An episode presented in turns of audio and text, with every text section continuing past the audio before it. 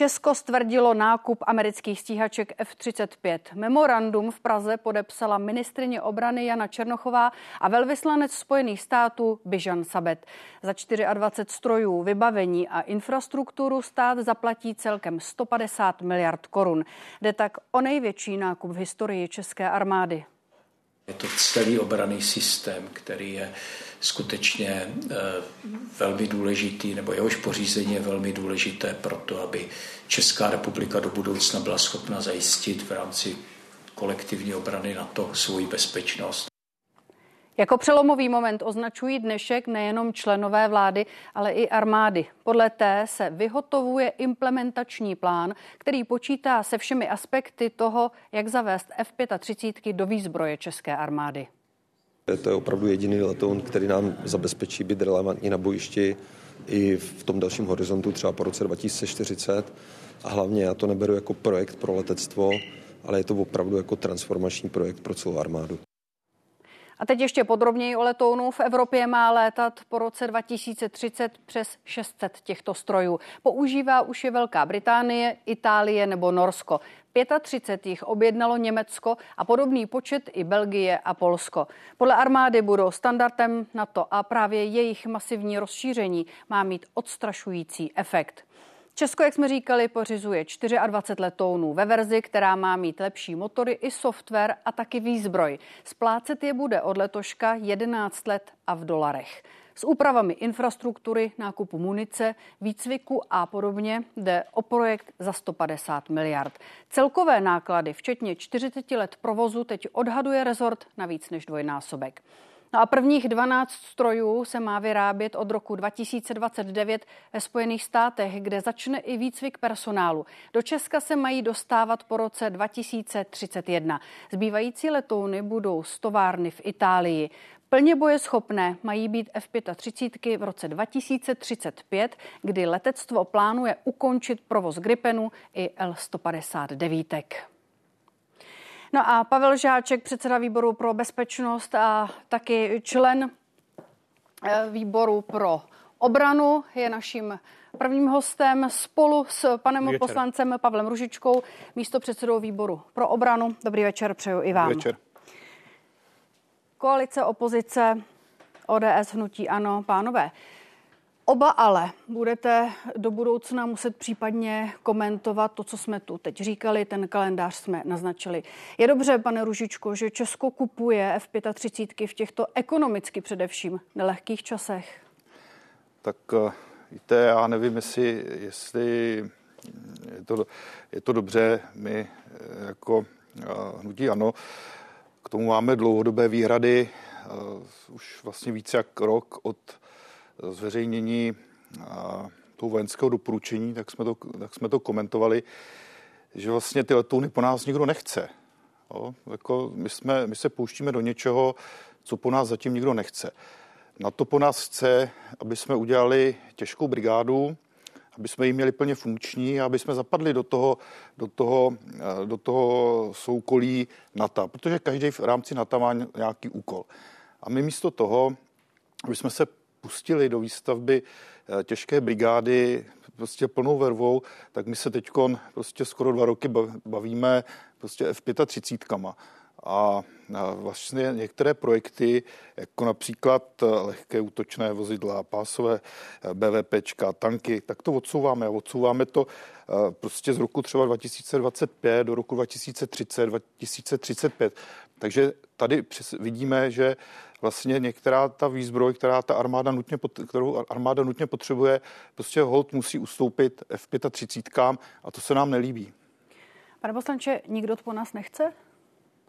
Já mohu říct, že jsem rád, že patřím k těm politikům, kteří nespochybní eh, obrany schopnost budoucí a národní bezpečnost České republiky i kolektivní obrany a že nenavazujeme na ty politiky, kteří zklamali v roce 1938, v roce 1968, když víme, že třeba v roce 1938 armáda byla připravená bojovat.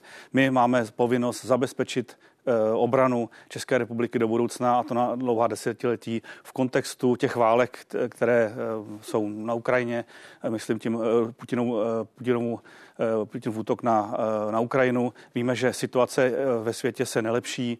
My musíme být připraveni a toto je náš příspěvek. My jsme se dlouho vezli a dneska myslím si, že ten signál jak vůči potenciálnímu nepříteli, tak i vůči našim partnerům na to je, že se chceme podílet na kolektivní obraně, že chceme zajistit obrany schopnost České republiky a celého východního křídla na to. Jak moc jste zvažovali třeba jinou variantu toho, že by se přikoupily další gripeny? A celkově Tady, to vyšlo třeba eh, levněji.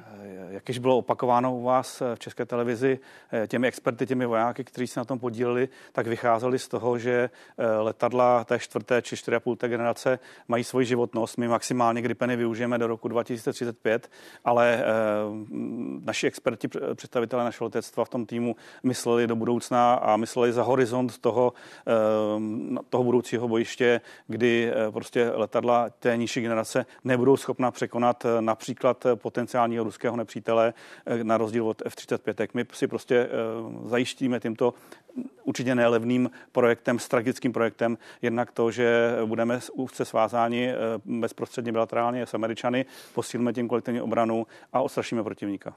Pane poslanče Rožičku, my bychom stejně museli řešit, co po gripenech, jestli tedy případně přikoupit nebo ne. Z té vaší první odpovědi vůbec nevyplynulo, jestli by hnutí ano případně úplně opomenulo posílení vzdušných sil a soustředilo se tedy jenom na pozemní eh, stroje a techniku nebo ne. Jak byste to vy udělali? No, určitě bychom, určitě bychom řešili eh, nadzvukové letectvo, to bychom řešili určitě. Já tady... Jak? Prosím? Jako, jako oslovili, bychom, oslovili bychom více výrobců. Tady nedošlo k oslovení více výrobců. Jo. Tady, se, tady se prostě uh, řeklo, bude to F35 a prostě takhle s klapkama na očích se šlo prostě za F35 s Gripen nebo se Sábem nikdo nejednal. Byly tam pak další, další nabídky, prostě s těma nikdo nejednal a neříkal, uh, nedomluval se s nima, jakým způsobem a co by nám byli schopni nabídnout. Jo. Jako já vím, že prostě letadlo páté generace jako to je takové to kliše, za kterým, za kterým se armáda schovává. Jo. Jako já jenom, když, když uh, roka půl dozadu uh, na, na summitu v Madridu Stoltenberg tam jasně řekl, prostě uh, různá platforma v rámci letectví je výhoda. Jako nevažme se pouze na F-35. Jako co když F-35 v rámci Evropy budou uzemněný? Bude tam vada uh, ve vystřelování uh, sedaček nebo ve vada motoru, tak vlastně všech 600 letadel se uzemní a Evropu nebude nikdo chránit. Tak jako, a to, promiňte, u těch jiných výrobců můžete důkladně vyloučit? Ne, jasný, ale tak jako když budu mít, ano, nebo ne? jako když budu mít gripeny a bude tam nějaká závada a ty gripeny uzemním, tak zase ostatní státy v rámci NATO budou mít F-35, takže se to bude překrývat. Budou tam různé platformy, budou tam Eurofightery, takže může se to nějakým způsobem prostě vyřešit. A, a generální tajemník to řekl jasně, řekl, a, e, prostě takováhle různorodá platforma je výhoda. Tak, tak ještě, a, e, jestli, jestli tady někdo říká, že vidí za horizont, jo, paní redaktorko, Vzpomínáte si na válku, válku v Iráku, jaká byla? A dokáže, dokážete si představit, je to 30 let, jo, dokážete si představit, jak neuvěřitelným způsobem se ta technika vyvinula. A pan generál Řehka říká, že to letadlo půjde za horizont 50 let. Víte, jaké letadlo létalo před 50 lety? MiG-17.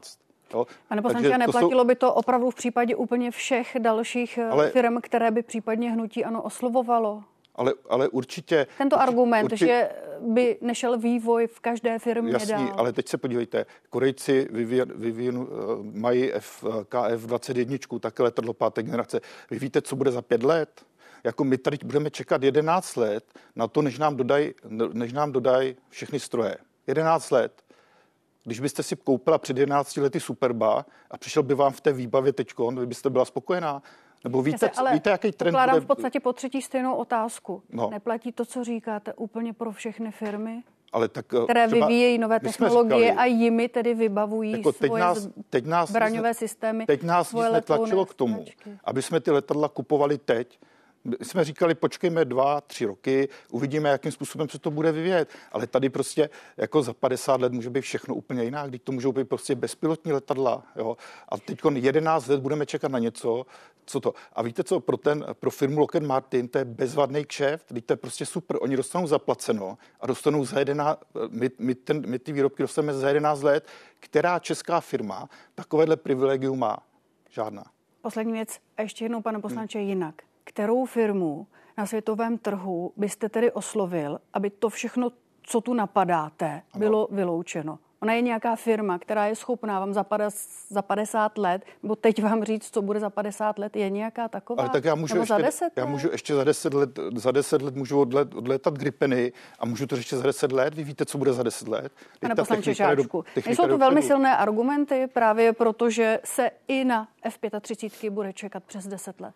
To velmi silné argumenty nejsou, když známe realitu. Eh, každým spožděním co by znamenalo spoždění dvou let, čili po volbách, jak chce říct pan kolega Ružička. Eh, to by znamenalo pět až deset let spoždění v tom, že my vyzbrojíme příslušnou jednotku, příslušný letecký útvar eh, novou technikou. My prostě nemůžeme čekat svět kolem pádí, bezpečnost se nelepší, eh, prostě toto jsou naprosto zástupné argumenty. Eh, já jsem už slyšel jednou, pro mě toto, co říká pan kolega Ručka, není absolutně, eh, není absolutně důležité. Já jsem rád, že po druhé, jednou už v plénu poslanecké sněmovny a dneska znova pan Babiš jako šef ANO potvrdil, že nespo, nespochybní to svrchovné rozhodnutí vlády, když už jsme ho učinili, že jsme šli do toho nejlepšího, co dneska na trhu je a také s tím nejlepším partnerem, který jsou Spojené státy. Ty může zajistit celý řetězec Dokonce tam je zapojení našich firm a ne malé, eh, které jsou na takové úrovni technologické, že se na toho můžou pustit eh, v podstatě hned. To, to, znamená, eh, to znamená počínaje tím podpisem paní ministrině Černochové.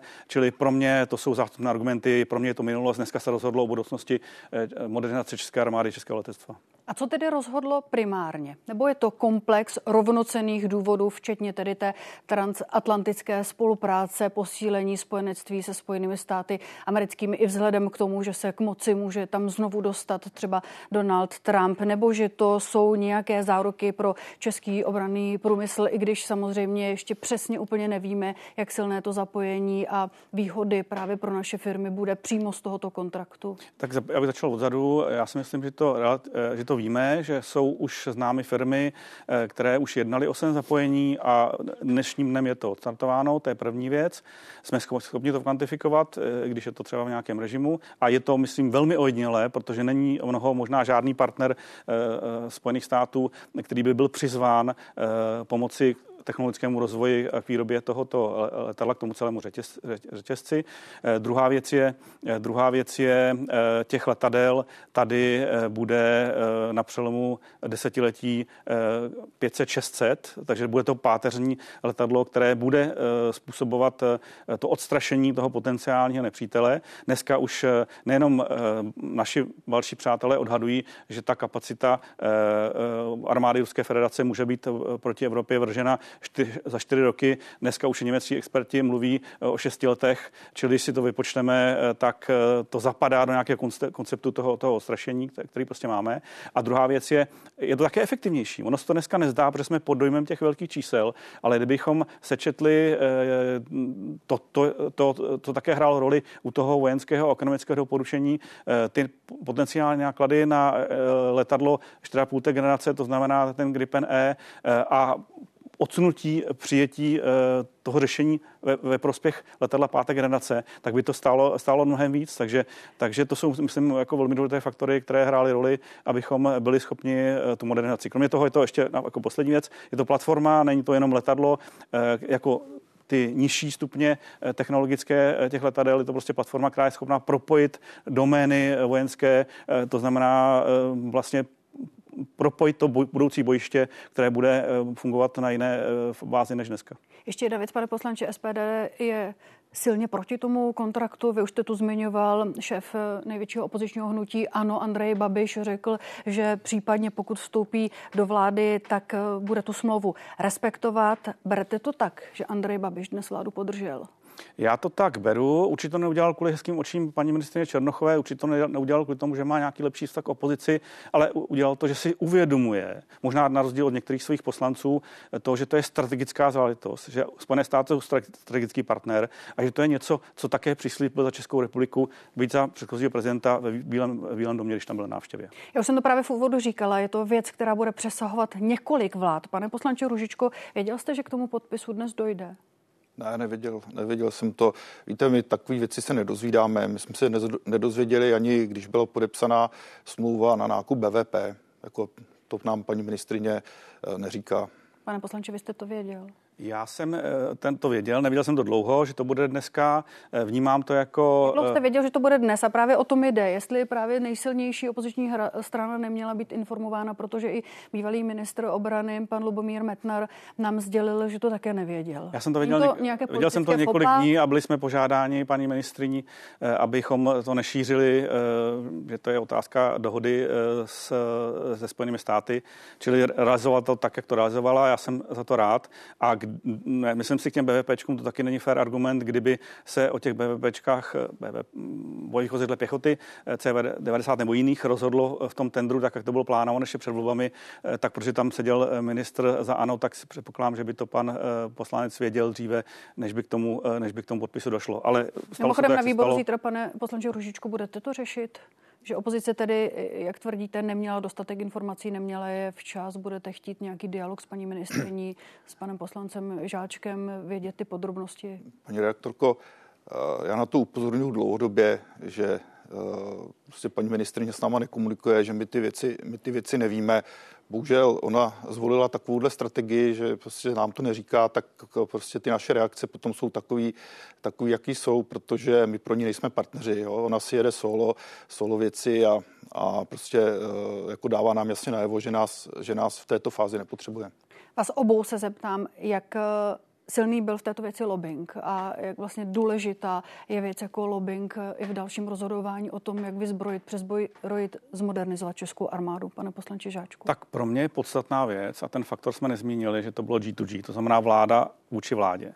A e, vlastně to, že nedojde k nějakému potenciálnímu třeba korupčnímu jednání nebo něčemu, co známe z minulosti, to, to znamená spochybňování i těchto těch e, strategických tendrů, je to, že jednalo, e, jednali zástupci naší vlády s, se zástupci americké vlády. Ty podmínky, které američané pro tyto jednání mají, ostatně i pro takovéhle velké kontrakty, jsou velmi přísné, nemohou si dovolit, a my si tím pádem také nemůžeme, protože jsme těmi podmínkami vázáni, dovolit úkrok stranou vlevo vpravo, čili pro mě to je cesta, jak by se měly dělat přesně takhle strategické zakázky a je to jistota, že v tom nebude žádná nějaká, nějaké spochybnování, že to nikdo nemůže spochybnit a nemůže ukázat na někoho lobbystu, že by z toho dokonce někdo něco měl. Pane poslanče Ružičku. U těch F-35 já jsem se bavil s několika lidmi, kteří byli, kteří byli nebo kteří mm, byli u toho zpracování a a prostě já vím, že do toho roku, do toho podzimu 21 eh, tam nebylo o F-35 eh, ani slovo. Jo. Jakým způsobem, jestli tam byl nějaký lobbying, to já nemůžu říct, protože, já, protože s náma to nikdo nekonzultoval. Ale já dám, já dám jenom jednu malinkou ukázku, jak to u, u takovýchhle zakázek funguje. Jo. Podívejte se třeba na lehké útočné vozidlo. Eh, do minulého podzimu armáda říkala, my to nutně potřebujeme, prosím vás, my bez toho nemůžeme žít, my to chceme. Armáda udělala výběrové řízení, eh, nedopadlo to výběrové řízení tak, jak někdo potřeboval. A co se stalo? Výběrové řízení se zrušilo a paní redaktorko, jak to je v Kvačru, ty vozidla měly být nakoupený v roce 2024 a podle nového Kvačru, který zpracovali, víte, kdy mají být? Až v roce 2035. A za tou větou, že to nedopadlo tak, jak někdo potřeboval, si stojíte? Proto máte nějaké důkazy? No tak jako kdyby, kdyby to dopadlo tak, jak by chtěli, tak by ho přece koupili, ne? Pane poslanče Žáčku. Já můžu odpovědět eh, tím, co jsem zmiňoval, těmi bojovými vozidly pěchoty. Ano, v Kvačru jsme měli úplně na začátku nějaké plány, ale protože se to prostě nerealizovalo za předchozí vlády, protože tady ta politická odvaha nebyla, protože byla nějaká nenota ve vládě, eh, konkrétně k, k, tomu, k této zakázce, eh, tak nebyla vůle to rozhodnout a eh, tím pádem máme spoždění. Čili tohle spoždění bychom nabrali a srovnávat F-35 s nějakými lehkými bojovými vozidly, to mi připadá úplně absurdní. Pánové, děkuji. Pavel Ružička, Hnutí Ano, Pavel Žáček, ODS. Naschledanou. Děkuji, naschledanou.